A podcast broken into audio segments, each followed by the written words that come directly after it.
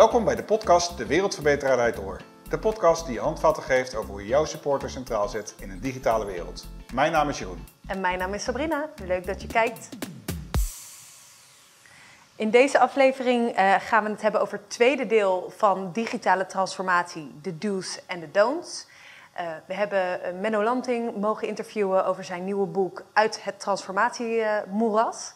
En we hebben twee hele bijzondere gasten aan tafel mogen uitnodigen. Dat zijn Pim Kraan, de, um, directeur van uh, Save the Children Nederland. En Bald Leeman, IT-strateeg en change consultant. Um, en we hebben al een podcast gemaakt uh, waarbij we in gesprek zijn gegaan met deze twee hele mooie gasten. En nu gaan we eigenlijk wat dieper in op de vijf faalfactoren waar Menno over schrijft in zijn boek. En hoe dit uh, voor Pim en voor Balt, um, ja, wat zij eigenlijk zien in onze sector. Uh, dus we hopen dat je het leuk gaat vinden. Kijk vooral even mee. Veel plezier. Ja, we gaan starten met de vijf faalfactoren. Want er gaat ongelooflijk veel mis bij digitale transformatie. Dat hebben we in de vorige aflevering al gezien. Omdat het een olifant is, omdat het een veelkoppig monster is, uh, gaat er heel veel mis. En daar kan je van leren. En Menno heeft vijf faalfactoren omschreven die we nu alle vijf langs gaan. En volgens ook gaan bespreken met Pim en Balt. Om te kijken of ze dat herkennen. Zodat we dezelfde fouten niet nog een keer hoeven te maken. En vooral kunnen leren van, uh, van degene die uh, dat al hebben meegemaakt. Dus we starten met de eerste faalfactor. Um, de Red Queen effect. Um, uh, zou je kort even kunnen uitleggen wat het is voor de luisteraars? Ja, dat is een, een metafoor uit Alice in Wonderland. Hè, waarbij het, het, het konijn enorm veel beweging maakt, maar niet vooruitkomt. Nou ja, dat is natuurlijk wat je bij heel veel organisaties ook ziet als het gaat om digitalisering. Is, er is enorm veel activiteit. Uh, maar waar leidt die activiteit toe? Dus het, het, simpelweg ermee bezig zijn is nog geen garantie op succes. En toch beginnen we veel te weinig dit soort trajecten.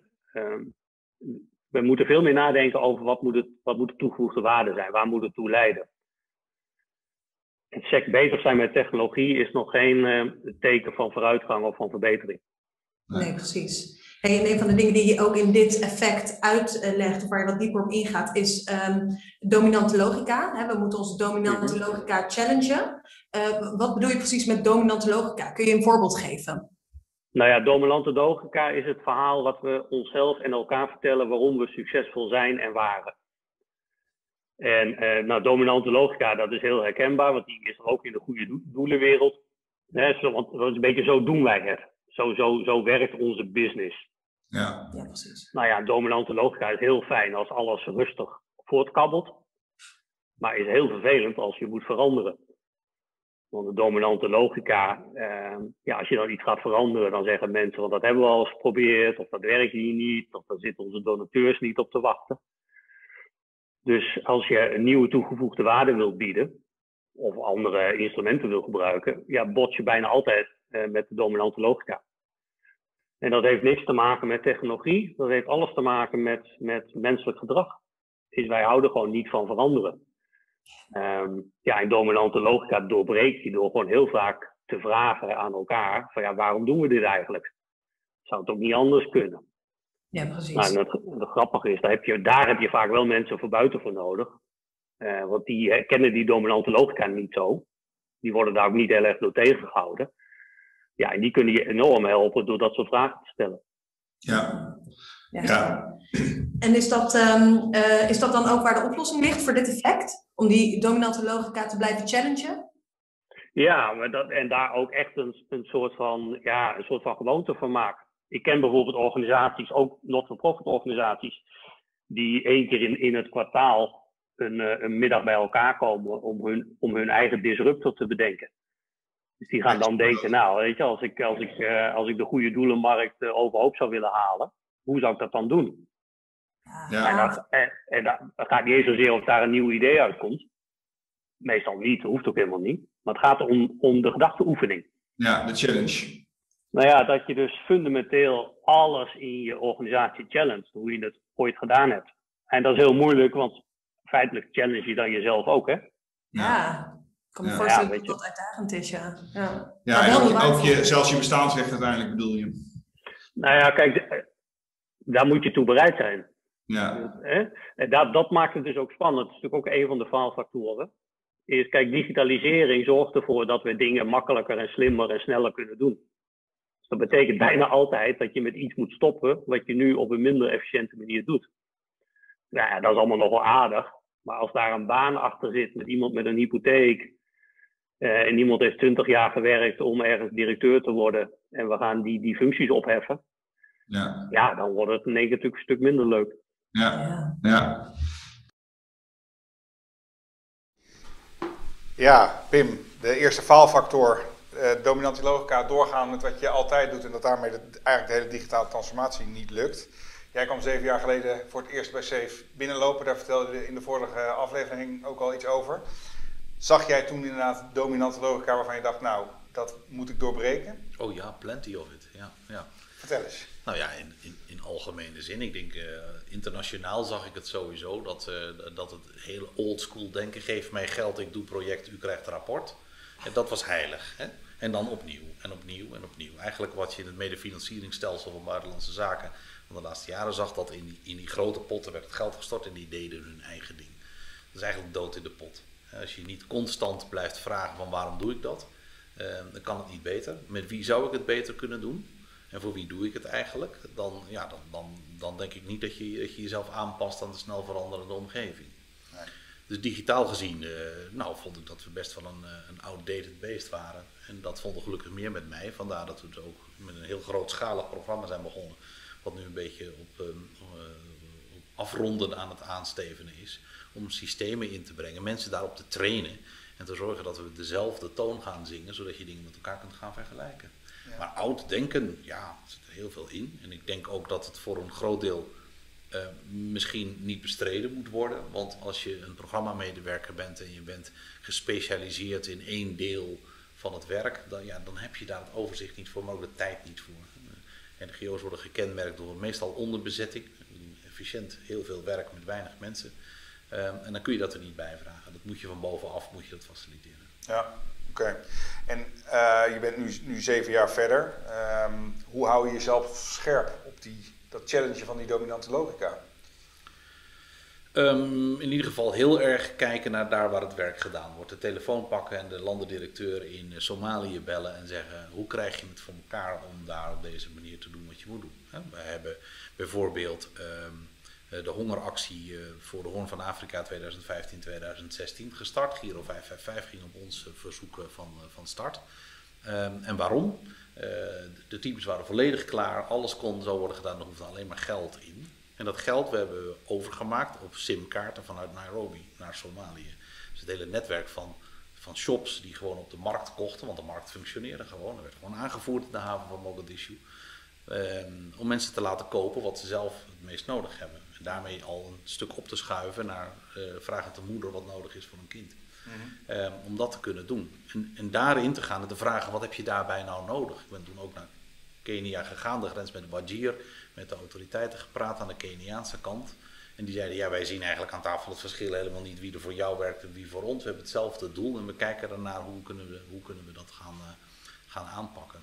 Ja, en ik was zeer onder de indruk van de capaciteiten rond de tafel. En dat had ik dat in Den Haag ook, maar zulke, zulke slimme mensen in deze samenstelling. Dus ik ben met die vraag teruggegaan en heb gezegd, hoe gaan we ervoor zorgen dat wij als managementteam dezelfde uh, samenwerking gaan bereiken, zodat we met elkaars expertise samen veel sterker worden. En dat is dus ook een traject. Naast de Learning Day eens per jaar, naast het gezamenlijk schrijven van een jaarplan, uh, een goede meal uh, monitoring, evaluation en learning, constant terugpompen van geleerde lessen in de organisatie en kijken hoe je beter kan. Dus letterlijk de wereld in, ook om te kijken en te luisteren en dat mee terug te nemen. en vragen. Ja. Als je het zelf moeilijk vindt, en, ga veel om met uh, World Vision bijvoorbeeld. Wij wisten, World Vision heeft een state-of-the-art systeem om uh, goederen op hun plek te krijgen. Die werkt al met streepjescode voordat ik mijn, mijn eigen billen af kon vegen. Hè? Dus als je daarnaar kijkt, dan waarom vraag je het dan niet? Ze zijn net zo groot, zo niet groter dan wij. Vraag het dan gewoon, kun je daarop samenwerken? Zo ben ik naar Artsen zonder Grenzen gegaan. Ik kom uit Artsen zonder Grenzen voort. Dat mijn eerste hulpervaringen waren tien oorlogen verder bij Artsen zonder Grenzen. En ik ben naar Arjan Heenkamp gegaan en zeg: Arjan, kun je mij helpen om deze enorme klus te helpen klaren? Jullie hebben al die protocollen op de plank liggen met inkoop en met verscheping en met logistiek. Wil je dat doen? En dat hebben ze gedaan. Ja. Dus vraag het en dan krijg je het ook van. Ja. En dat, dat is een stukje voor zeg maar in de sector. Is er, ga je ook wel eens buiten de sector om, om vragen te stellen en bij profits bijvoorbeeld? Ja, zeker. Ja, ja en soms komt het ook naar je toe. Dus, uh, nou, je, je, hebt bij Cap Gemini gewerkt. Uh, Cap kwam uh, naar ons toe en zei... we hebben samen met de Nederlandse luchtmacht bedacht dat het zwaaien met een witte vlag niet zoveel zin meer heeft. En dat je dat veel beter in een blockchain kunt zetten. we zijn een blockchain, een witte vlag, blockchain, wat, wie, wat, waar. Ja. Nou, feitelijk gaat het dus gewoon over het oorlogsrecht. Mm -hmm. En uh, eerst heb ik ze teruggestuurd naar het Internationaal Rode Kruis in Genève. Dat zijn de hoeders van de Geneefse conventies. En toen die ook zeiden, ja, dit is heel interessant, zijn we samen verder gegaan. Dus de luchtmacht, CAP, Save the Children en ICRC. En we hebben een systeem ontwikkeld waarbij je in blockchain technologie uh, kunt aantonen in de chain of events dat iets duidelijk moet zijn geweest. En daarmee kun je dus eigenlijk lang, op de lange termijn kun je zeggen, uh, uh, u heeft op dat ziekenhuis geschoten, maar u wist dat het een ziekenhuis was. Die digitale witte vlag stond daar duidelijk op. En daarmee kun je dus ook zeg maar, oorlogsmisdaden vervolgbaar maken. Hmm. En dat soort zaken kun je alleen maar doen als je een tech firm als KAP daarachter hebt zitten, want wij kunnen dat alleen niet. Nee, precies. En dat is dus echt dat aangaan van die gesprekken verder rijken dan je eigen organisatie. Uh, ook in je eigen organisatie, maar ook verder dan dat rijken en ja, die vraag durven stellen. Ja, maar ook openstaan, denk ik, voor ja. iets wat je in eerste instantie niet begrijpt. En de rijkwijde niet begrijpt en de, de, achter, de, achter, de, achter de schermen niet begrijpt wat er gebeurt. Maar wel begrijpt dat het nuttig is als het zou veranderen. En nuttig is om te kijken waarom mensen zoiets verzonnen hebben en of jij je kan lenen in die ecosysteem om dat te faciliteren. Ja. Je verwees het al even naar, naar, naar Balt inderdaad. Ja, je, je wilde erop reageren? Nee, ik zeg een mooi voorbeeld ja. uh, ook van hoe technologie dus disruptief is. En in dit geval is dat op een hele mooie manier een enabler is van een nieuw businessmodel. Want het is eigenlijk een heel nieuw businessmodel wat ontstaat. Ja, en zie je daar, want jij hebt natuurlijk echt die mooie, ook die non-profit wereld ken je inmiddels goed, maar je komt echt uit die, die andere wereld, zeg maar. Ja. Zie je daar ook echt verschil als hoe men omgaat met die dominante logica? Uh, ja, ja, ja. Ja, het, mooie, het voordeel van, van, van, van mijzelf denk ik dat ik het uh, uh, al heel lang meega. Hè? Dus ik ben afgestudeerd op uh, microprocessoren, programmeren, assembler. Dus, dus echt, en al die ontwikkelingen altijd meege, meegemaakt. En ja. ICT is eigenlijk voortdurend in, in vernieuwing. En ehm, wat je dan gaat zien, zien is patronen. Dus ik denk dat een van de dingen waar ik nu ja, op terug kan kijken, waar ik ook graag op, over schrijf, is van dingen die, die, die we twintig jaar geleden helemaal nog niet kon, konden, vinden we nu al helemaal normaal. En ja, corona heeft dat ook nog een keer een extra uh, impact gegeven, extra uh, slag. Um, ja, ik zie wel dat, dat die vernieuwing van het denken, dat dat veel speelt. Maar ja, nogmaals, we hadden het al eerder over, is, is die alignment binnen de organisatie, dat, daar, daar, daar haakt het vaak op.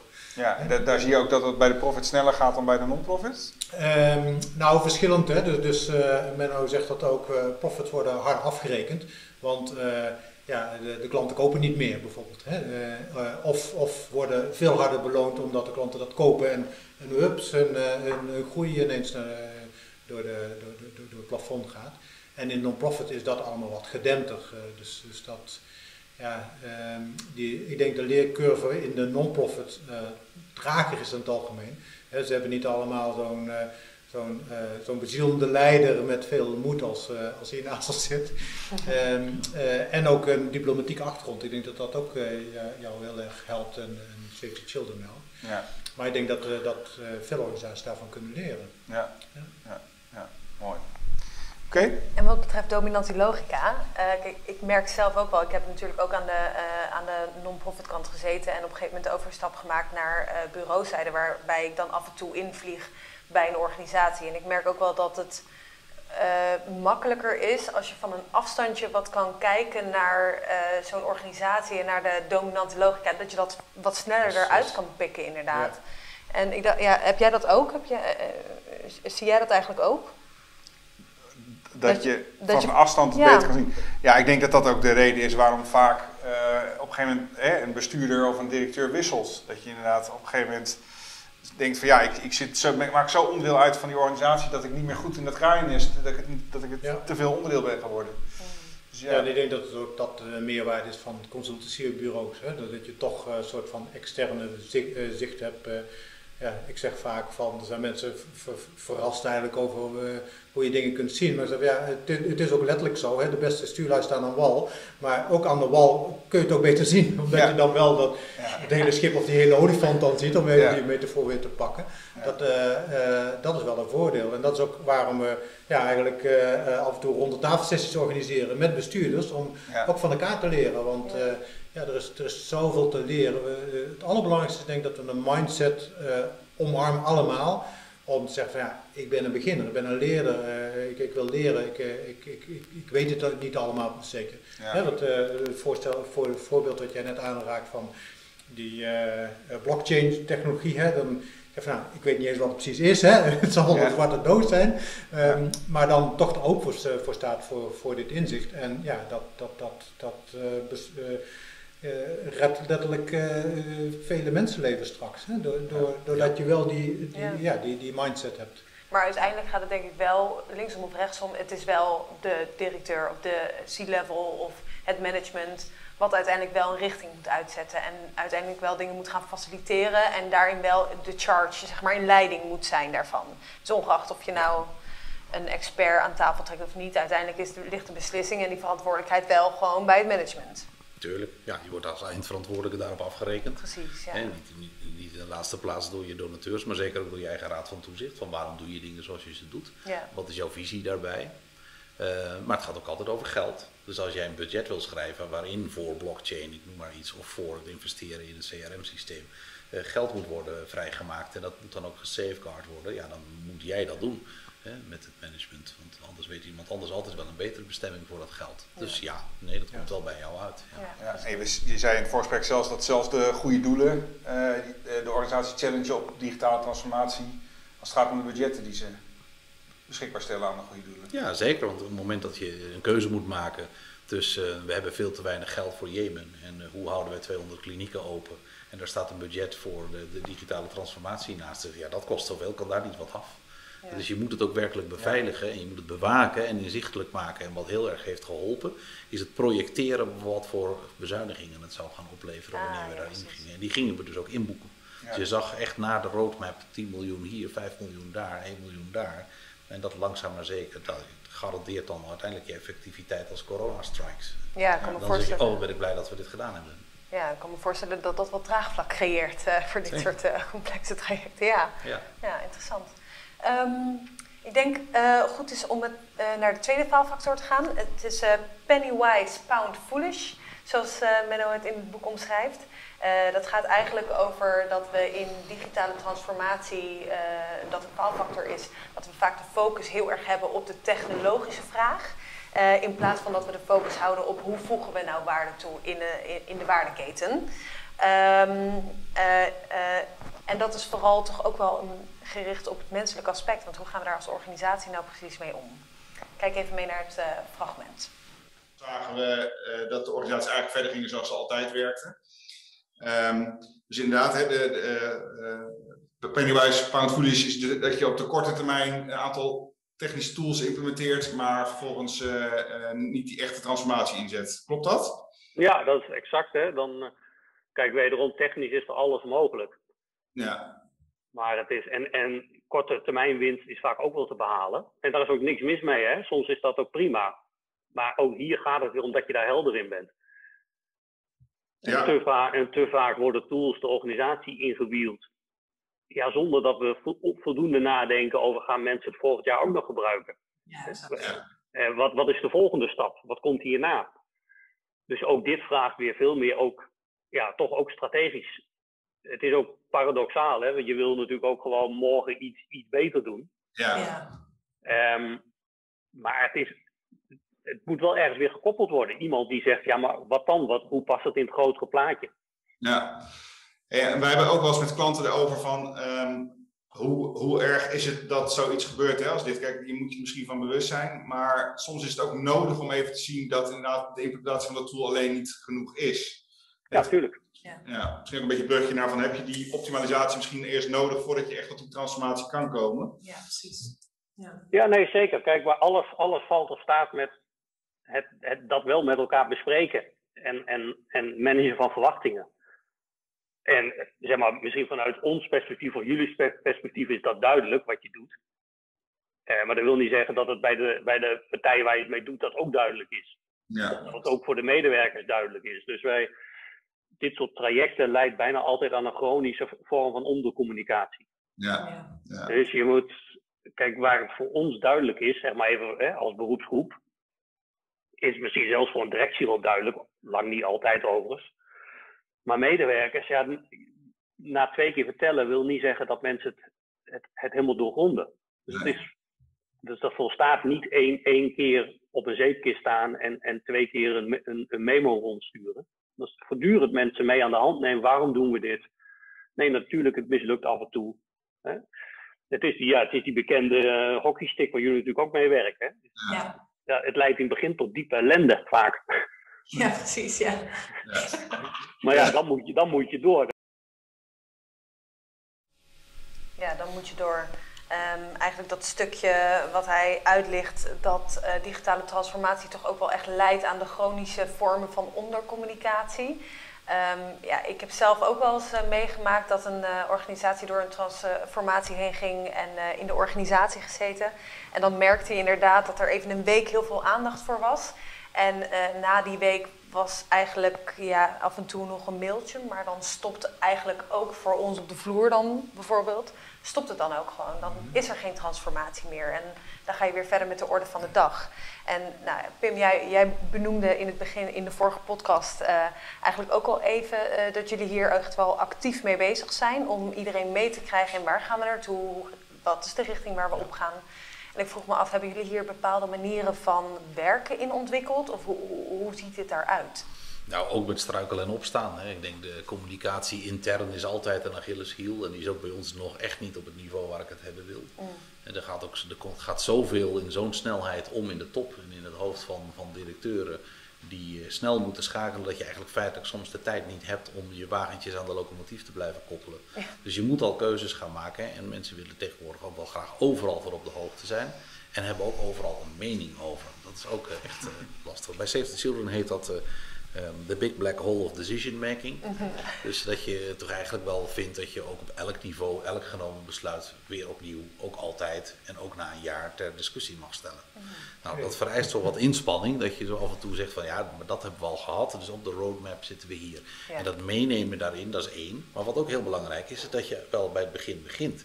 Ben ik bezig om tools te creëren die men nodig heeft? En wat is eigenlijk jouw visie daarop? Mhm. Wat is jouw digitale omgeving die jij denkt nodig te hebben om je werk te kunnen doen. Nou, dat heeft er bij ons toe geleid dat we een CRM-systeem hebben ontworpen, wat nu als een Rolls Royce in de markt staat, maar waarop we in eerste instantie geklapt zijn met een provider. Uh, we hebben daar geld op verloren, maar de eigendomsrechten waren wel van ons, van het design. En we hebben het op een nieuw platform geplaatst en zijn dus met een extra rekening uiteindelijk wel gekomen waar wij willen zijn. We zijn nu dolblij dat we het hebben. Ja, ja. Uh, maar dat komt wel omdat omdat ik niet weet wat die fondsenwerver nodig heeft en wat daar dan in moet zitten, dat heb ik het team laten ontwerpen. En die hebben dat digitaal ehm, eh, verder in de verf gezet, maar ook afgestemd met collega's uh, in het uh, internationale veld. En nu begint dat zich als een vlek te verspreiden. Ja, wat goed. En is, is dat CRM, speelt dat een rol in jullie interne communicatie en in, in dat decision-making proces? Of is dat meer iets waar, ja, of wat voor rol speelt dat? Ja, meer en meer. Sowieso kun je natuurlijk meten. En meten is weten. Dus je kunt communiceren wat je doet. Hè. Mm. Dus daar resultaten met elkaar eh, delen. Um, in het begin was het wel lastig, omdat je, je begint, we zijn er een dik jaar mee onderweg, denk ik. Dus om de hele organisatie te onboorden, ook op al je contactgegevens en uh, echt het management van je relaties, daar gaat nog wel even overheen. Ja. Ik maak er zelf bijvoorbeeld onvoldoende gebruik van. Mm. Um, maar uh, ja, ik denk wel dat het steeds meer van invloed is. Het feit dat er dat de communicatiebehoefte wordt afgestemd op wat fondsenwervers nodig hebben. En dat fondsenwervers bereid zijn te investeren in communicatiecollega's. Dat is al iets wat er gebeurt. Dat, dat um, gecombineerd uh, campagne voeren naar het publiek, naar de politiek, uh, fondsenwervend ehm, eh, en, en ge, om, omlijst met allerlei zaken als opinieartikelen en dergelijke. dat soort concepten, dat heeft wel heel erg te maken met communiceren over hoe gaan we dat doen, wat is de impact daarvan ja, mooi. minder en beter, beter gesynchroniseerd. Gek. En dus ik kan me voorstellen dat je ook naar dezelfde cijfers allemaal kijkt en het over hetzelfde hebt. Dat dat ook wel echt een ding is waar, ja, eh, waar ik ook andere mensen in de organisatie nog wel eens over hoor klagen. Eh, en dat dat misschien zo'n uitkomst kan bieden als je je CRM of in ieder geval de systemen allemaal op elkaar afstemt en dat iedereen in hetzelfde bezig is. Ja, absoluut. Ja. In eerste instantie moest een dashboard gebouwd worden, werd met de hand berekend, deels in sheets en dan werd het overgezet naar PowerPoint en het moest dan elke keer worden aangepast. Ja. En nu hebben we met elkaar communicerende systemen en, eh, en kwartaalrapportages die we gewoon bespreken met elkaar en genereren CBI geautomatiseerd. Binnenkort is de transitie compleet. En dan is het helemaal geautomatiseerd een dashboard wat wij voor iedereen gebruiken, dus zelf als management. Dat delen we met de ondernemingsraad Dat en dat gek, sturen we ja. naar de raad van Heerlijk, ja. Iedereen op dezelfde voet. Ja. Ja, en, en is dat ook iets wat jij bijvoorbeeld ziet, eh Balt? Hè? Eh, stel je hè, vanuit bureauzijde of eh, vanuit de technologiekant, wanneer je aan de slag gaat met zo'n systeem wat Pim benoemt, dat dat dan ook echt een focuspunt is in dat soort trajecten. Ligt hier ook een verantwoordelijkheid voor ja, de techniekkant die daarmee bezig gaat voor dat project? Ja, we hebben het over communicatie, hè, interne communicatie daarin. eh, Ja. Ehm, ja, wat eigenlijk de, ja, de best practice of the state of the art, volgens mij in de hele wereld van ICT, is, eh, is dat je agile implementeert, hè, dus Scrum. eh, ehm, ik hecht er altijd heel erg aan als we implementeren om eh, kick-off te doen met alle betrokkenen, alle key users, liefst alle users zelfs als dat kan. Dat is het allermooiste.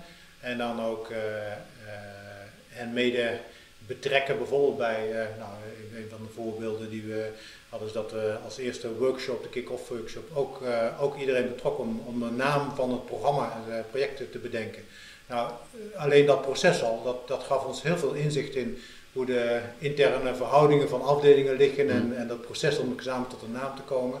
Maar dat, eh, dat, creëert, dat creëert een soort van buy-in, waarbij mensen eigenlijk ja, een soort van medeverantwoordelijkheid hebben, ownership creëren.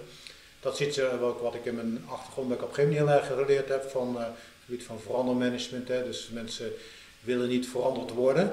Hè. Maar de meeste mensen zijn wel erg enthousiast over hun eigen ideeën. Ik ben altijd heel erg enthousiast over mijn eigen ideeën.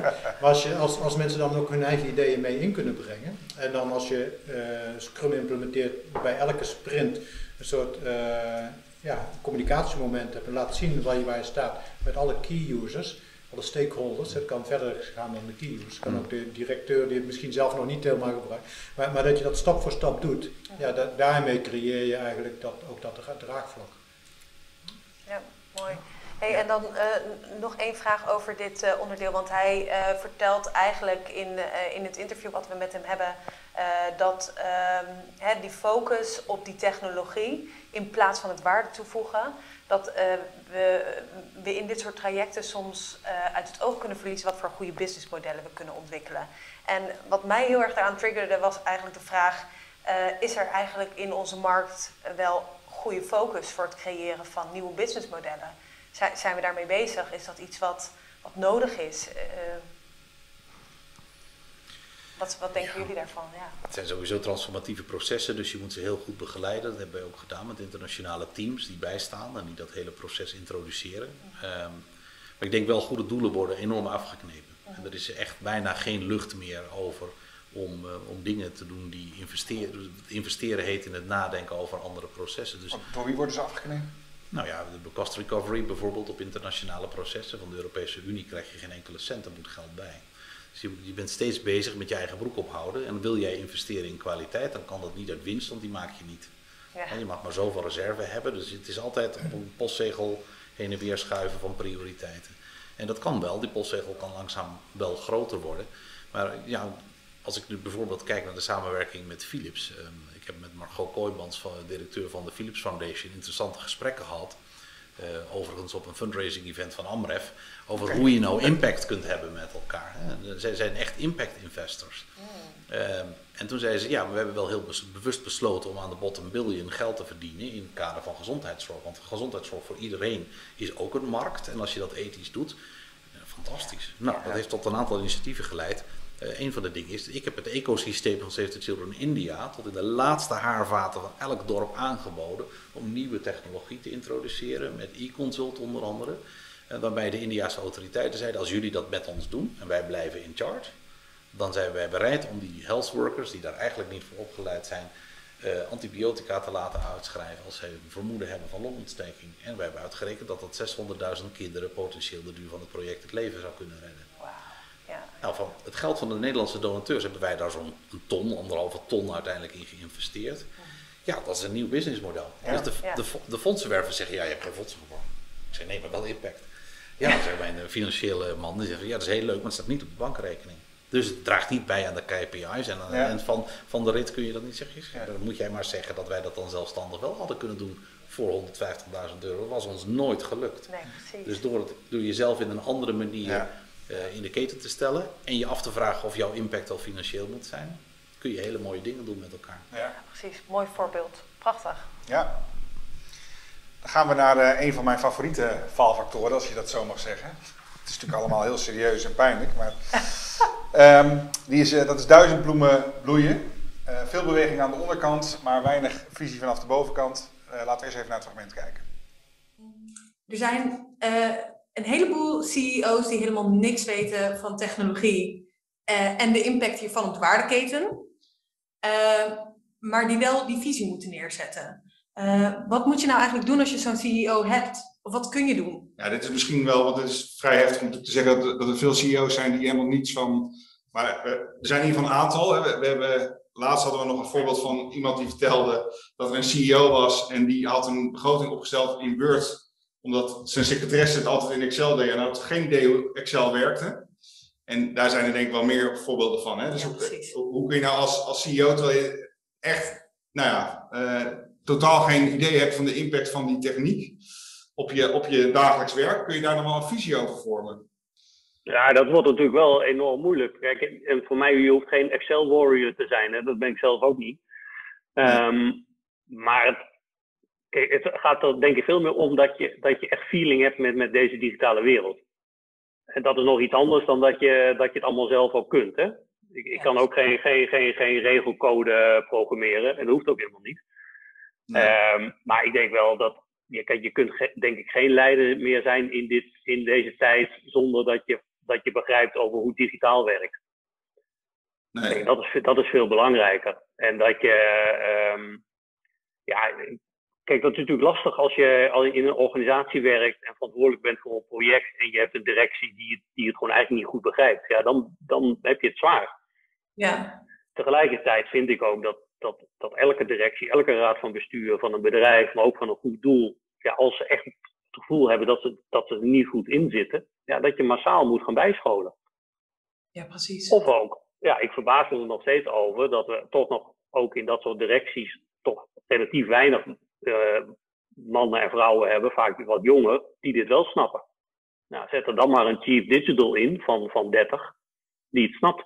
Ja. Dat is natuurlijk ook interessant, hè? Die, die, die directies en raden van bestuur, dat zijn toch nog veel mannen en vrouwen van in de 50 of zelfs 60. En dat wil niet zeggen dat je het dan niet snapt. Hè? Er zijn ook genoeg mannen en vrouwen van die leeftijd die het wel snappen. Die kom ik ook tegen. Zeker, Ja. ja. Maar goed, de kans dat een twintiger of dertiger het snapt, is wel groter. Ja, Ja. is iets meer mee opgegroeid. Ja, ja. of, en als je, of stel een digitale adviesraad aan, heb ik ook wel eens gezien bij een grote gemeente. Hè, waar ze 18-jarigen in eh, inzetten. En die denken dan mee met zo'n directie. Er zijn natuurlijk allerlei manieren om het, om het wel in te vullen, zonder dat je zelf nou eh, dagenlang op, eh, op PowerPoint cursus hoeft. ja. Maar daar- kijk, het is natuurlijk voor het eerst dat, dat ook mannen en vrouwen op dat niveau met iets geconfronteerd worden waar ze over moeten beslissen, maar waar ze eigenlijk niks van af weten. Of Ja. weinig. Dat was 10 jaar, 15 jaar geleden niet. Nee. Want dan, dan wist je er wel van als je een financiële beslissing moest nemen of of je een nieuw gebouw ging doen. Of, hè. Ja. Maar- ja, het is, wel- het is wel een heel groot, echt, echt een heel groot probleem. Ja, want als je dat zo stelt, dan kan het misschien eigenlijk juist wel heel interessant zijn. eh, toch eigenlijk om inderdaad initiatieven eh, van, in, vanuit de organisatie te laten komen. Maar misschien moet het dan wat meer eh gefunneld zijn. Dus dat het inderdaad een adviesraad is, zoals je het net in je voorbeeld omschrijft. Ja, maar ik vind die duizend bloemen bloeien vind ik vaak weer een excuus Hmm. om zelf geen visie te hoeven hebben. En zo Mm. gebeurt het ook vaak. Is ja, de directie geeft niet echt, echt een, een, een lijn aan. Hè? Er zijn er altijd hele enthousiaste mensen die denken, ja, wij moeten iets, hè? wij moeten met die nieuwe, we hebben- er is van alles wat dan wel moet gebeuren. Dat is ook heel goed. Maar uiteindelijk stokt dat heel vaak. Want om het echt uit te kunnen rollen, daar red je dan vaak niet meer op het niveau waar je ooit begonnen bent. Dan heb je toch een directie nodig die, die je budget geeft, of hè, die, die, die je helpt. Ja. Ja. en dan zie je vaak dat er heel veel energie weglekt. En ook een directie die de- uiteindelijk de hele olifant dus ziet. Ja, uiteindelijk moeten natuurlijk wel al die bloemen die er bloeien. Het is wel prettig als dat allemaal ergens een keer bij elkaar komt. Ja. En dat kun je niet van mensen verwachten. Dus ik, ik ben er zeer op tegen dat men, of ben er zeer voor dat mensen met allerlei initiatieven komen. Eh, maar ik ben er net zo goed voor dat dat wel eh, geholpen en ondersteund wordt door een visie van een directie. Nou, Pim, je voelt hem al, al aankomen. Hoe goed ben jij in Excel? Ja, nou, niet. Niet. Nee, dat is ook helemaal niet nodig. Nee, dat is niet nodig. Nee, nee, nee. Eh, ik ben helemaal niet handig eh, in Excel, want daar heb ik namelijk mensen voor die daar heel handig in zijn. En ehm, ik denk dat als je naar Menno luistert, dat hij wel gelijk heeft, alleen niet op dat niveau. Ik, moet- facilitator zijn daarin. En ik denk dat eh, ja, als je naar die duizend bloemen bloeien luistert, dat, kan iets zijn van ik heb mijn mening en die leg ik bij jou neer. Maar wij hebben dat gewoon omgedraaid. En toen de fondsenwervers bij ons zeiden van nou de targets zijn gewoon hoog. We moeten ontzettend hard, hard werken om dat te doen. En nou draai het om. Gaan jullie maar met het instrumentarium wat je hebt mij vertellen wat dan haalbaar is. Ja. En eh, dan krijg je dus een andere, een andere manier van je jaarplan schrijven en je doelen formuleren. En natuurlijk overschrijden we die doelen, want die zijn conservatief gesteld. Maar dat is helemaal niet erg. Die ruimte moet er zijn. Dus ehm, ik denk dat het net zozeer voor de rest van je management geldt. Je kunt niet alles zelf, maar je moet je wel openstellen voor de kennis en kunde van anderen en daarnaar vragen. Maar je moet wel de ruimte bewaken. De ruimte die nodig is om, ehm, om zulke soort, eh, zulke soort ideeën te ventileren. En soms gebeurt dat. eh. we hebben op de fondsenwervingsafdeling de, de, de, de hoe heet het, is het eh, de donderdag of is het de Tuesday donut dag, ik Ja. weet niet.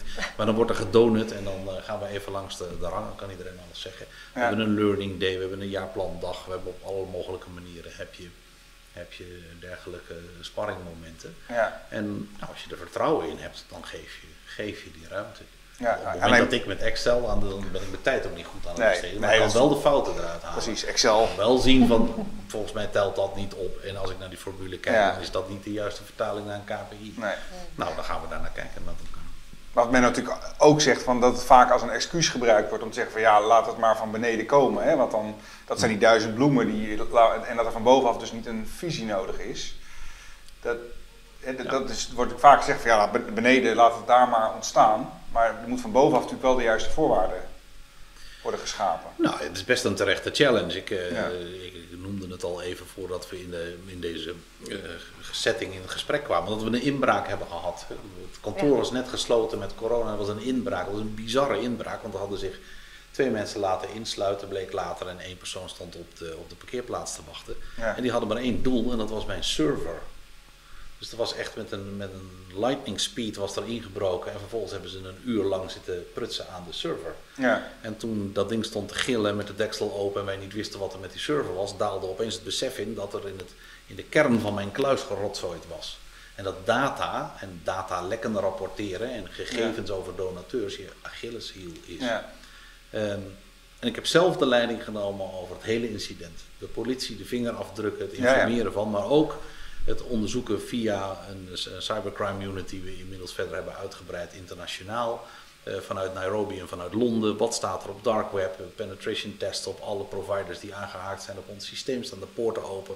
Wat is hier aan de hand? En hoe Ja. kunnen we dit zo snel mogelijk containen? En dat heeft nu geleid tot een totaal nieuw digitaal veiligheidsregime internationaal. Was ik mij daarvan bewust? Nee. Maar mijn server staat nu in een databunker. Dat Ja. snap. En de rest is in de cloud. Ja. Dus feitelijk moet je daarvan leren. En eh, ja, dat is soms wel een, eh, een harde leerschool. Maar want dat is dan een incident en dan neem je echt bewust de keuze om, om bij dat incident te zeggen, nou dit ga ik zelf afhandelen. nou, ik begreep heel goed dat het een zeer serieus en mysterieus incident was. Waarbij ook de recherche zei van ja, waarom? We snappen het niet. Die, die schijfjes zijn bij elkaar 1500 euro waard. Dat kan voor de dief per avond interessant genoeg zijn. Maar iemand heeft geweten dat jij die nieuwe server had laten plaatsen. Dus wat zit hier nu achter? Ja. Nou, mijn bovenbuurman toevallig werkte bij, eh, bij een bedrijf dat onlangs verkocht is aan, eh, aan OnePassword. En die zei van, is er niet iets achtergelaten in plaats In van plaats van iets weggenomen, ja. weggenomen. Ja. En toen gingen alle bellen af en zijn we aan tafel gaan zitten en zijn we gaan, gaan inventariseren wie ons op dat moment zou, zou kunnen, kunnen helpen. En op die manier heb je je incident kunnen containen. Ja. En, maar het toont dus wel aan hoezeer je er bovenop wilt zitten. Ja, want eigenlijk wil je dat dit voorkomen. Dus hoe, hoe uh, maar dat je ook niet over kunt laten. De eindverantwoordelijkheid is zo zwaar dat je niet erop kunt vertrouwen dat mensen lager in de commando chain daar verantwoording over zouden moeten afleggen. Dus je moet er zelf bovenop zitten. Ook dat is weer chefzagger. Chefzagger. Ja. Ja. ja. ja. ja. want hoe kijk jij eraan tegenaan, Balten? Dus je bent zelf, nou, we hebben net al onthuld, net boven de 50. En, uh, dat is jong. Maar toch, volgens mij, zoals ik je ken, uh, veel, uh, je zit boven op de techniek, je hebt er veel feeling mee. Ehm, ja. Hoe, ja, veel leeftijdsgenoten zullen dat een stuk minder hebben, denk ik. Hoe, hoe, hoe kijk jij daar tegenaan? Ja, bij mij speelt heel erg het, de ontdekking van het begrip core competence. Hè? Van waar zit je talent, waar word je blij van, welke dingen vind je leuk. En, uh, ik had acht jaar geleden, kon ik weg bij op een gegeven moment met een gouden handdruk en toen dacht ik van, nou, ik ga echt een career change, hè. ik ga theologie studeren of iets heel anders doen. En uh, toen, toen ik zo ja, een beetje in de stilteklooster mijn leven zo terugfilmde, uh, zag ik ja, maar dat is, dat is, wel de rode lijn voor mij. Ik vind inderdaad, ja, technologie, maar vooral innovatie. Van, van ik, had, ja, ik heb een soort van fijne neus ontwikkeld, het verschil tussen een een trend en een hype en, en, en wat wordt het volgende belangrijke ding. En om dat te gebruiken om, uh, ja, om, om, te helpen uh, positieve impact te creëren en de wereld een beetje mooier te maken. Ja, dat, uh, dat is iets wat mij enorm drivet, zeg maar, of ja.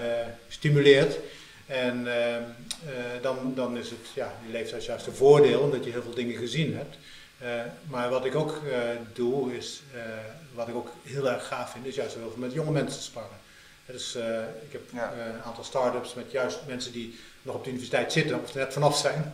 Ja. En daar leer ik ook weer heel veel van. Dus ik vind juist die combinatie van uh, ja, een lerende mindset en, en ook organisaties te, te, inspireren om te zeggen van, joh, de leven is veranderen. Hè. Leven is groeien, bloeien, sommige dingen afsterven, herfst, ja. dynamiek, de wereld verandert voortdurend wij moeten voortdurend veranderen. En ja. Uh, ja als je snapt wat, uh, of een beetje inzicht hebt, want ik ben geen profeet, maar wel je ziet van wat, wat snacks, dan uh, maak je eerder goede keuzes. Ja, je hebt daar feeling mee, je hebt je leven zo ingericht dat je daar ingevoed blijft. Ja. Maar je komt ongetwijfeld ook bij je klanten mensen tegen die, dat inderdaad, die wel de beslissing moeten nemen, die wel de voorwaarden moeten scheppen, maar niet die kennis hebben. Ja, het heeft niet zoveel denk ik met leeftijd te maken. Want ik uh, ken ook jonge mensen die, uh, die heel koppig zijn en in hun eigen straatje denken. Mm. Uh, en voor bepaalde functies moet je ook heel erg in je eigen straatje denken. Hè? Dus, dus, maar ik geloof heel erg in juist ja, verbindingen maken en kijken van hoe kun je vanuit verschillende disciplines en ook verschillende denkhoeden of, of competenties gezamenlijk zeg maar, die hele olifant te zien, om die maar weer eens terug in de kamer te brengen. Ja, ja. ja. Ja, en... Maar in die zin zie jij niet een, een daar, want Menno zegt dat, die ziet het wel echt als een groot probleem, dat er in die bestuurskamer en in die... Dat is, ja, ja kijk, kijk eh, duizend bloemen bloeien uh, kan je ook vertalen van het is goed dat er veel geëxperimenteerd is, dat er alles ontstaan. Mm -hmm. Maar het is dus chef zagger, om dat uh, net geleerde woord dan toe te passen. Misschien moet je even uitleggen, hoe, wat, wat bedoel je daar precies mee? Uh, ja, ik heb het van Pim geleerd, maar uh, volgens mij uh, bedoelt Pim dat, dat sommige thema's kan je niet delegeren. Daar ben jij gewoon als, als eindverantwoordelijke ben je daar verantwoordelijk voor. Ja. En volgens mij is het dus eindverantwoordelijk voor directie, bestuur is welke keuzes maak je. En, en dat er experimentjes en dat er bloemetjes bloeien is mooi, maar bepaalde bloemen die wil je opgroeien, laten groeien tot nieuwe planten, nieuwe businessmodellen. En daar horen experimenten bij. Hè. Dat zijn dan de spreekwoordelijke speedboats, die, ja, die, die misschien wel de redding van je hele organisatie worden. Of, ja. of de redding van zoveel mensenlevens. Of het verbeteren van die uh, levens van de kinderen in Afghanistan, om wat te noemen. Ja, maar in die zin zie jij niet als een probleem dat in die bestuurskamer en directie te weinig kennis van IT is? Uh, jawel, uh, dat, dat zie ik wel als een probleem. Ja. Uh, hoewel ik met Pim eigenlijk eens ben van het gaat niet zozeer om of dat je nou Excel of Word beheert. Hè, de, desnoods schrijf je nog gewoon met potlood in een, in een notitieboekje. Het gaat erom dat je de trends en de implicaties ziet en dat je je organisatie goed aanstuurt. daar gaat het om volgens mij. Okay. Ik heb ooit eens een mooie metafoor daarvoor gehoord. Dat is het hek om het schoolplein. Dus ik weet niet of jullie dat misschien of dat een beetje zal resoneren, maar Ehm, is het zo dat je als CEO bijvoorbeeld of als management dat je, je hebt een school en je zet een hek om het schoolplein heen en dat is eigenlijk de speelruimte die er ontstaat waar kinderen dus bijvoorbeeld uh, vrij kunnen rennen en eigenlijk zonder dat hek uh, merk je dat kinderen heel dicht bij de school blijven en eigenlijk niet verder durven mhm. en niet naar de rand van het hek durven te gaan. Is dat, kunnen we het zo, is dat een, een metafoor wat werkt ja, in dit verhaal? Ja, dat is heel mooi denk ik. Ja, ja.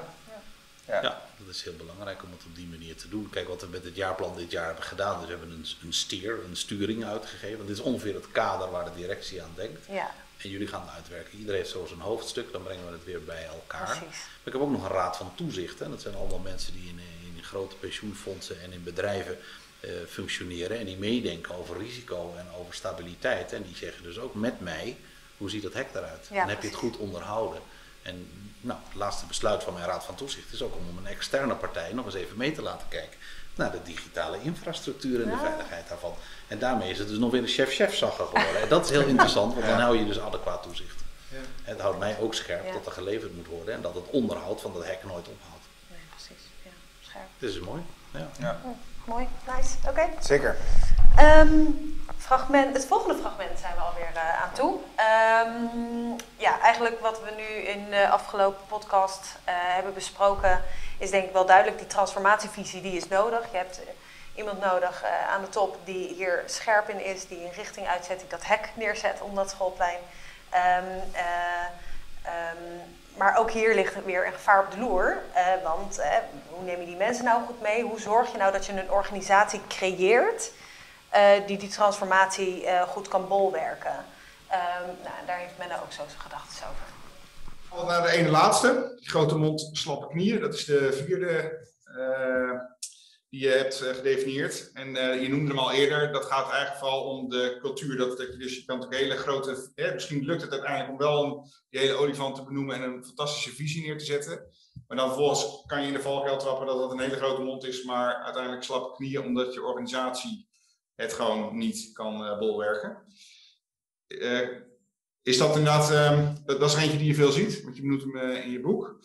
Um, zie je dat inderdaad in de, in de profit ook veel gebeuren? Nou, in de profit zie je dat misschien nog wel meer dan in de not-for-profit. En dat gaat dan niet zozeer om dat je mensen het wel of niet kunnen bolwerken. Dat, dat, dat komt erbij kijken. Maar het gaat er vooral om dat je je, je organisatiestructuren niet aanpast. Dus ik, ik noem maar iets simpels je, je implementeert een heel systeem waarbij mensen online kennis met elkaar kunnen delen. Ja. Maar vervolgens pas je niet het beloningsbeleid aan om te kijken hè, wie deelt er nou kennis en wat is de kwaliteit van die kennis en kunnen we dat financieel of op een andere manier belonen. Je tuigt wel een hele digitalisering op, maar je neemt niet mensen aan die, er ook, uh, die het ook snappen. Dus, dus als je je HR-beleid, je wervingsbeleid, je beloningsbeleid laat zoals het was, ja, dan, dan blijft digitaal altijd iets wat erbij hangt. Ja. Dat is wat ik bedoel met die, met die faalfactor. En dit is denk ik wel een van de grootste uh, faalfactoren. Dus we omarmen iets nieuws, maar in de kern blijven we doen wat we ook in de 20e eeuw deden. Ja, precies. En door dat beleid dus niet aan te passen, motiveer je ook niet het andere gedrag eigenlijk wat je. Nee, dan, dan, dan, kijk, dan gaan een aantal enthousiaste mensen gaan er echt wel mee aan de slag hoor. Maar weet je, die uiteindelijk. Kijk, het is hetzelfde als um, voor de COVID hadden we ook al deze tools om, om thuis te kunnen werken. Nou, waarom ging het toch, ging toch bijna iedereen nog steeds naar kantoor toe? Omdat er gewoon een maandagochtendvergadering gepland werd. Ja. Waarbij de baas het prettig vond dat die mensen daar fysiek bij elkaar waren. Ja, ja. Dus ja, dan, dat kun je alleen maar doorbreken als je die vergaderingen afschaft niet alleen maar door een tool te, te implementeren. Nou, dat is precies waar deze faalfactor om gaat. Nou ja, ja. Ja, wat wij ook veel zien in, in onze markt is dat, dat um, bijvoorbeeld het creëren van, van customer journeys is natuurlijk eentje die, eh, die veel gebeurt. En dat, daarmee duurt het ook langer voordat een campagne bijvoorbeeld een, een positieve ROI heeft. Mhm. Maar heel veel fondsenwervers worden denk ik nog steeds afgerekend op gewoon uh, een, een ROI die per campagne gewoon klopt. Dat is, dat is natuurlijk ook, uh, ik denk dat ook op het moment dat je als organisatie echt een andere cultuur wil, moet je dus ook al je meetinstrumenten durven aanpakken. Dat is natuurlijk ook wel spannend. Waar, waar stuur je dan nog op? Ja. ja, maar ja, dat is, kijk, op korte termijn kun je meten en sturen. Lange termijn kan, kan gewoon niet. En dat is toch, als je het over een transformatie hebt, dan heb je het over middellange tot lange termijn. Ja. Dus dan, dan gaat het per definitie over falen, het niet precies weten. Nou ja, en je slaat de spijker op zijn kop. Als je, als je dat niet doorbreekt, dan blijf je voortdurend sprintjes trekken. Ja, precies. Ja, en kom je ook wel vooruit. Maar ja, weet je wel, het is wel steeds opnieuw en steeds opnieuw. Ja. Misschien blijkt je dan toch eh, net, die, net die dode steeg in te zijn eh, gesprint. Ja, dan heb je wel allerlei leuke sprintjes getrokken, maar sta je aan het einde toch voor een blinde muur. Ja. Ja. Ja. Ja, en dan krijg je dus ook dat er van onderaf inderdaad dus heel veel beweging is in een organisatie, heel veel initiatieven, maar Ja. bovenaf die, die, die KPI's niet eh, aangepast worden, dan eh, Ja, precies. ja, Dan wordt het een moeilijk verhaal. wordt het een moeilijk verhaal. Ja. Ja. Nou ja, kijk, het is duaal. Wij noemen dat altijd duaal sturen. Dus je, je, je, moet- je kunt het ene ook blijven doen, hè? Tuurlijk. Dan moeten gewoon eh, donateurs binnen. Weet je, wel, daar kun je niet, niet vijf jaar op gaan wachten. Nee. Nee, zeker. Ehm, maar ik denk dat, dat ook in de not-for-profit, maar ook in de, in de, zeker ook bij beursgenoteerde of eh, commerciële bedrijven, ja, die korte termijn is zo dwingend. Dat laat geen enkele ruimte voor de vraag van ja, wat voor leiders hebben wij over vijf jaar nodig? Hè, hoe moet ons beoordelingsbeleid eruit zien? Eh, is onze afdeling HR nog wel aangesloten bij deze tijd? Ja. Want wat, hoe lang duurt een digitale transformatie bij een organisatie? We- Wat, Gemiddeld. gemiddeld, wat voor tijdvak? Nou, kijk, als je eh, het transformeren en digitale transformatie zou dan betekenen eigenlijk dat je, dat je compleet nieuwe digitale instrumenten gebruikt om eigenlijk iets te doen wat je nu nog niet doet. Dat is eigenlijk mijn definitie van een digitale transformatie. Ja, Waar overigens heel veel organisaties helemaal niet komen. Hè? nee. Dus- Blijven in het optimaliseren. Wat zeg je? Blijven rondhangen in het optimaliseren. Ja, nou, en daar, daar valt ook valt, valt, valt ook best wel iets voor te zeggen. Hè? En, en daar kun je ook heel lang mee overleven. Eh, het is alleen geen, geen garantie. Maar echt een digitale transformatie ja, kost jaren. En dat zit hem dan niet zozeer in die technologie, maar het kost jaren, omdat je echt heel veel tijd nodig hebt om zo'n organisatie die vaak ontstaan is in de 20e eeuw, om die klaar te maken voor het digitale tijdperk. Kijk, als wij nu die goede doelen opnieuw zouden op- opzetten, vandaag. Ja, dan zouden ze heel anders inrichten dan ze nu ingericht zijn. Ja, Neem ik aan, qua bemensing, qua, qua panden, qua alles. ja, Nou ja, dat is eigenlijk de transformatie die je doormaakt. En wat het ook moeilijk maakt, omdat het, je zult het bij minder mensen gaan doen, je zult het bij minder gebouwen gaan doen, je zult het veel digitaler gaan doen. Dus in heel veel gevallen is het ook niet echt een hele eh, optimistische boodschap. Nee, precies. Ja, de, digitale transformatie, niet echt een optimistische boodschap. Het duurt lang. Eh, het klinkt allemaal best wel een beetje heftig. Eh, hij heeft het over dat eh, je ook je organisatiestructuren moet gaan aanpassen. En je meetinstrumenten en hoe je kijkt en hoe je omgaat met data. ja, klinkt heftig. Heb- hebben jullie in de afgelopen nou ja, zeven jaar en in ieder geval de laatste vijf jaar, hebben jullie daar ook dingen in gemerkt of aanpassingen in gemaakt? Ja, dat hebben we wel. Ik denk ook dat omdat je de digitale transformatie inzet, moet je hele organisatie mee transformeren. Maar de andere kant om ook. Je moet het toch doen. Ehm, dus ja, wij vonden bijvoorbeeld dat als je nu die omgedraaide cyclus hebt waarbij je teams de doelen laat formuleren. Hè, en daarbij Ja, precies. bouw je je jaarplan. Waarom moet je dan zeg maar in je beoordelingssystematiek eh, vinkjes zetten bij individuele doelen als je toch collectief verantwoordelijk bent? We hebben het omgedraaid en we hebben er forward feedback systemen van gemaakt. Het gaat over functioneren en leren. Wat heb je nodig om je te ontwikkelen? En dat gesprek gaat daarover. En niet heb jij al die boxjes wel getikt. En, Want dan krijg je obligate lijstjes van dat is wat ik moest doen. En kijk eens, dat heb ik allemaal gedaan. Dat is niet wat je wil. Dus het is veel meer een enabling atmosfeer eh, geworden. Wat ook wel lastig is als je het praat over salarisschalen en zo. Ja, de goede doelensector, daar ga je niet eh, werken als je rijk wilt worden. Want dat kan gewoon niet. Tegelijkertijd is het wel zo dat je iets op een platform kunt zetten. En je kunt zeggen van nou, hoe ziet jouw ultieme speeltuin eruit als jij aan het werk wil gaan? Op die manier hebben we ons CRM-systeem natuurlijk vorm gegeven.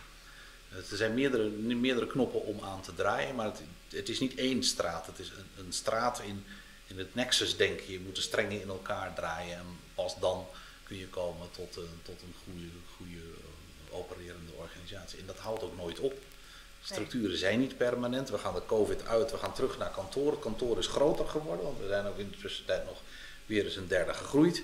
Maar het gaat wel een heel andere functie vervullen. Je gaat niet meer naar kantoor om op je laptop te kloppen. Je gaat naar kantoor voor je teamactiviteiten, voor je sociale verankering. En daar zie je de achterkant van digitalisering, dat je ook kunt vereenzamen achter je webcam. Ja, dus het gaat allemaal hand in hand.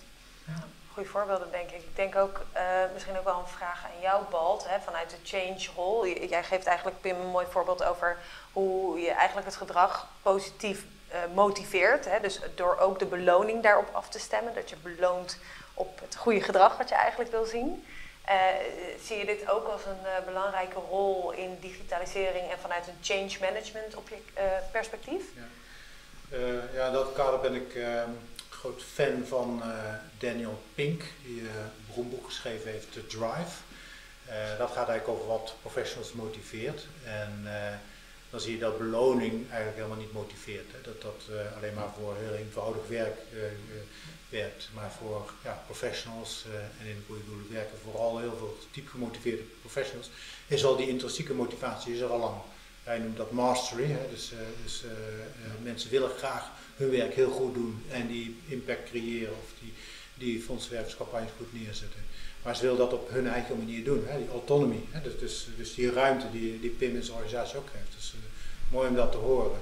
Hè, en dat moet wel heel erg aligned zijn met waar, waar we het allemaal voor doen.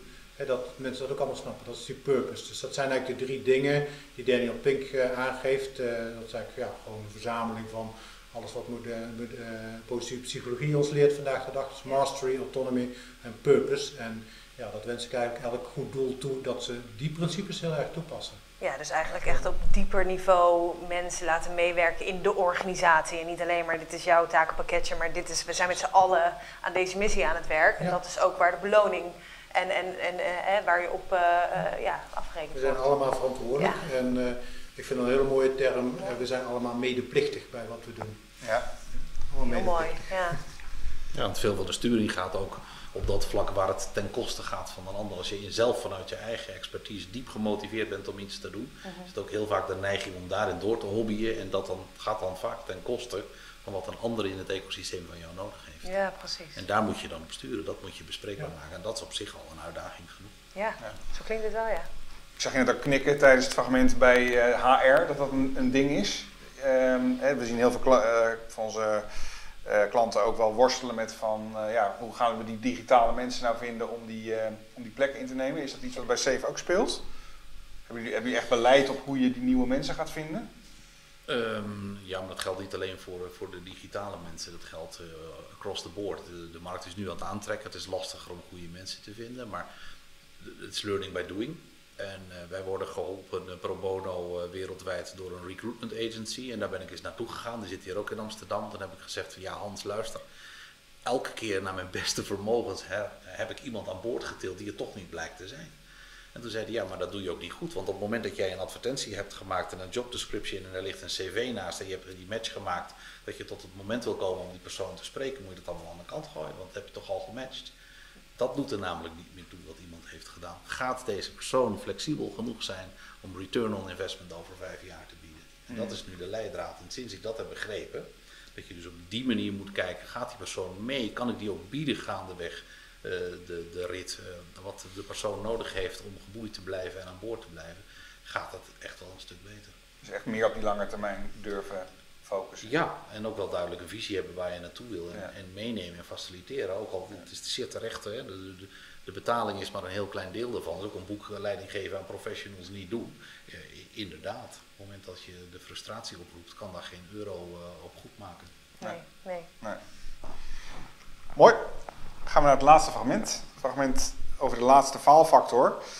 Ehm, en dat gaat over het ecosysteem. We hebben al een paar keer eh, eh, het over gehad. Dat je moet denken vanuit een ecosysteem en niet per se alleen maar de klant centraal moet zetten. En dat vonden wij een interessant invals, inval, eh, invalshoek. Dus laten we daar naar kijken. eh, faalfactor die je omschrijft in het boek, eh, bad karma.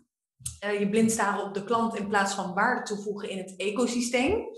Ehm, kun je misschien uitleggen wat je bedoelt met het ecosysteem? Ja, nou ja, ik kan bijvoorbeeld eh, eh, Philips Healthcare is een case die ik beschreven. Is, uh, Philips maakt geen gloeilampen meer en geen tv's meer, maar die maakt oplossingen voor de gezondheidszorg. Nou, dat is precies de transformatie van, van, van spulletjes naar ecosysteem. En zij kunnen nu zij kunnen die oplossingen bieden voor de gezondheidszorg door met allerlei andere partijen samen te werken. Alleen, alleen een scanner, dat is het niet. Een MRI-scanner alleen, daar rek je het niet mee, maar je hebt software nodig. En je, hebt uh, allerlei andere dingen ervoor en daarna nodig. Nou, dat is, en dat geldt denk ik ook heel erg in de goede doelenwereld. Bij uitstek, denk ik. Zowel ook bij andere not-for-profit organisaties. Ja, omdat je, je zit daar natuurlijk per definitie in een ecosysteem. Die, die, die donateur zit ook weer in een, in een heel systeem. De goede doelen zitten in een systeem. En toch is de focus, ook bij de digitalisering, zit te vaak op, nou hier ook weer, hè, op donateurswerven. Hè? Terwijl je zou ook kunnen denken van ja, we gaan eens kijken wat voor kennis en kunde al die donateurs hebben.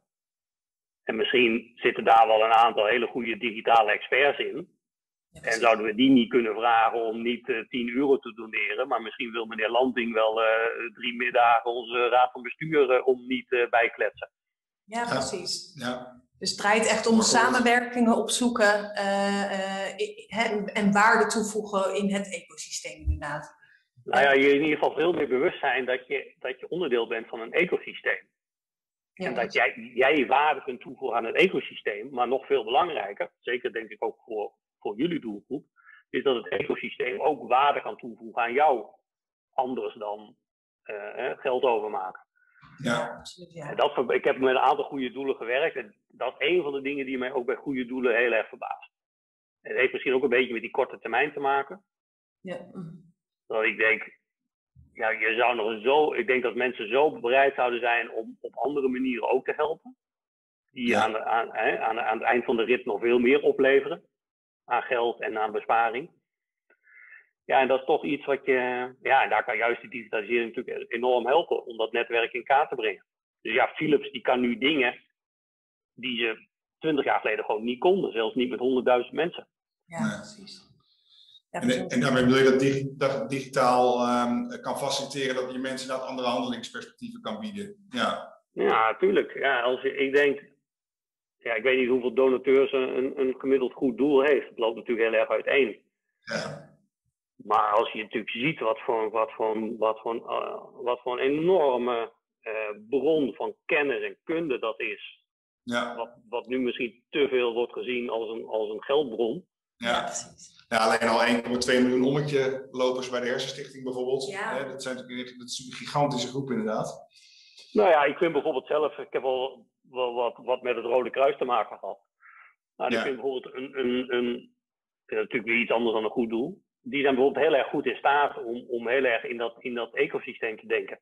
Ja. Dus, dus met vrijwilligers die te mobiliseren zijn. Um, nou, de ANWB is ook wel een meer commerciële partij die dat ook steeds beter in de gaten heeft. Ja.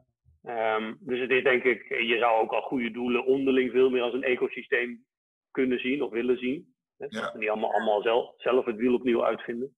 Dus dat is die laatste faalfactor. De, veel te veel in je eigen koker, veel te veel één dimensie zien, alleen maar naar de klant of naar de, naar de, naar de donateur.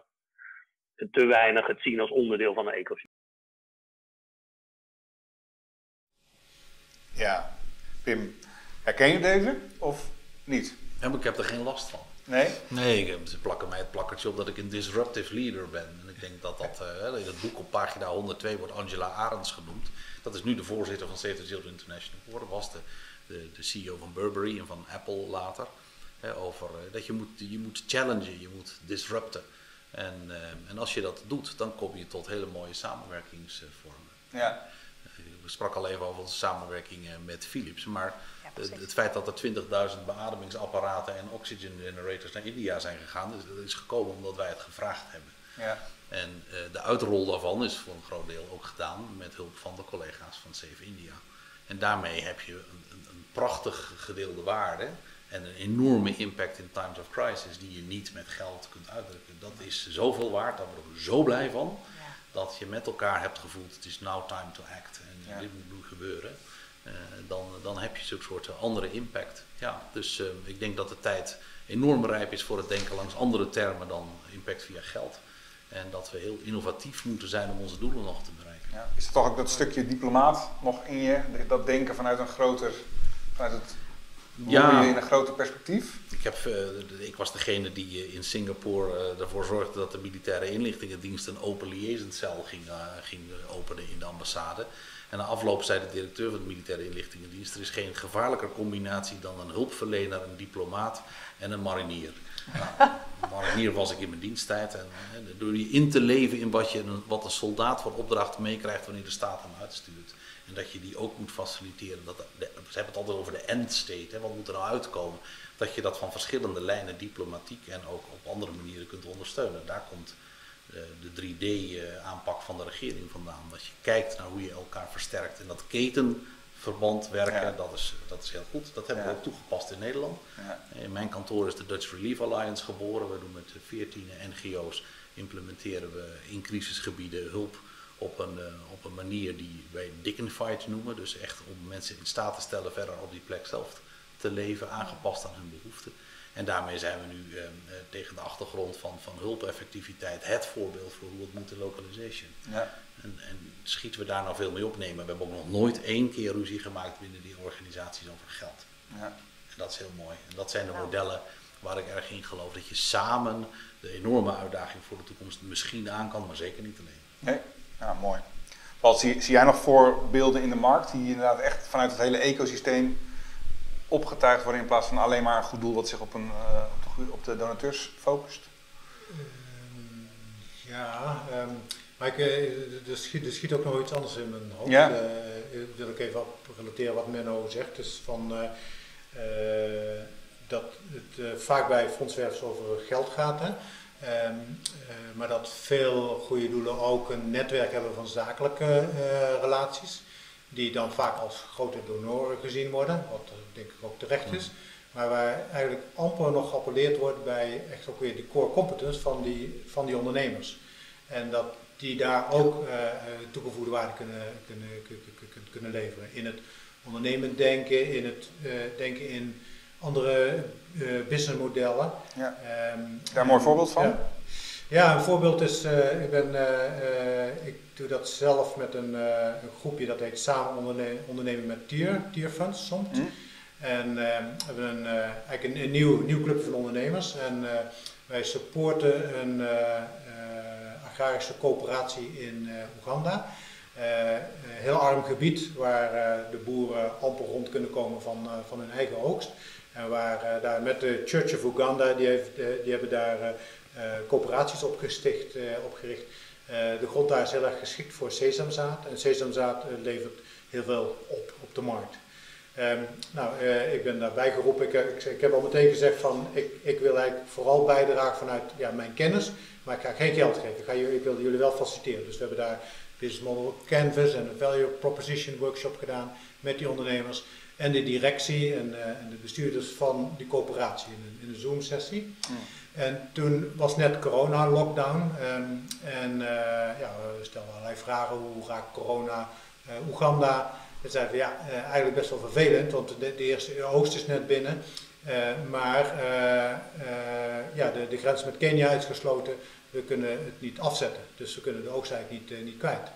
Nou, toen hebben we met die ondernemers samen gezegd van joh, als wij nou eens allemaal wat geld op tafel leggen en we richten een fonds op en we, we, geven een lening aan deze coöperaties, uh, zodat we nu die, uh, die oogst op kunnen kopen. En op het moment dat de grens open is, ja, dan uh, het en je betaalt ons terug. En, je, en we vragen 4% rente, 6% ja, rente. Dat is wel echt ondernemend denken. Ja, ja. nou dat, dat was heel erg omdenken. Dat, dat resoneerde die ondernemers van, ja, dat gaan we doen, weet je wel, van ja.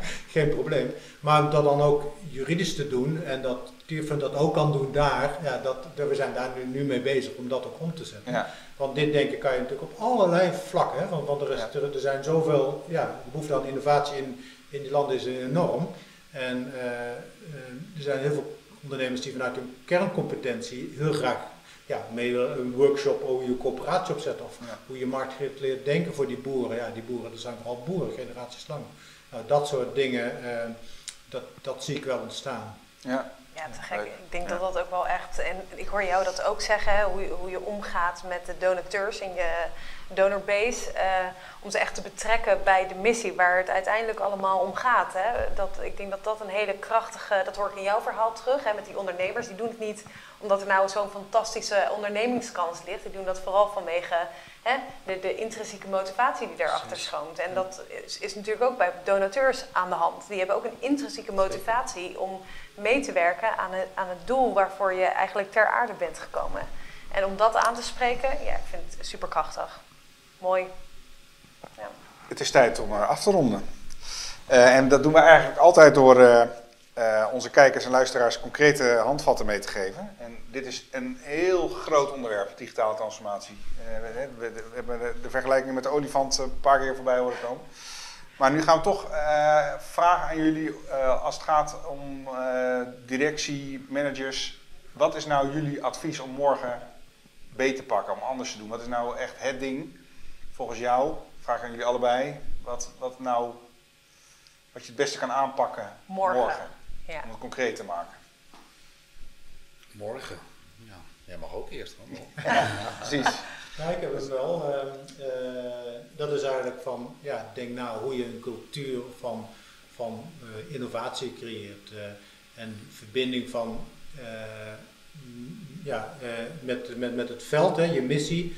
Eh, denk opnieuw na van, hoe zou het zijn als ik met een, helemaal opnieuw zou kunnen beginnen? Wat zou ik dan doen?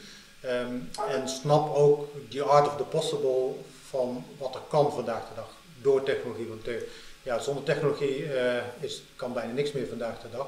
Dus besef dat de technologie een hele belangrijke factor is, maar dat het de mensen zijn die dat doen. En, en dat je heel veel creativiteit en kennis in huis hebt waarschijnlijk. Ja, door dat te mobiliseren, nou, ik vind dan goede voorbeelden zoals eh, Pim dat eh, gedaan heeft bij, bij Save the Children. Ja, Ja. en, eh, kijk daarna en kijk wat kunnen we daarvan leren. Ja, dank je. Heb jij eh, genoeg bedenktijd gehad? Ja hoor, nee, ik weet het echt wel. Ik denk de, Ja. de stip op de horizon en vooral samen eh, diezelfde stip eh, voor ogen hebben, dat, dat- dat is een enorme, enorme journey.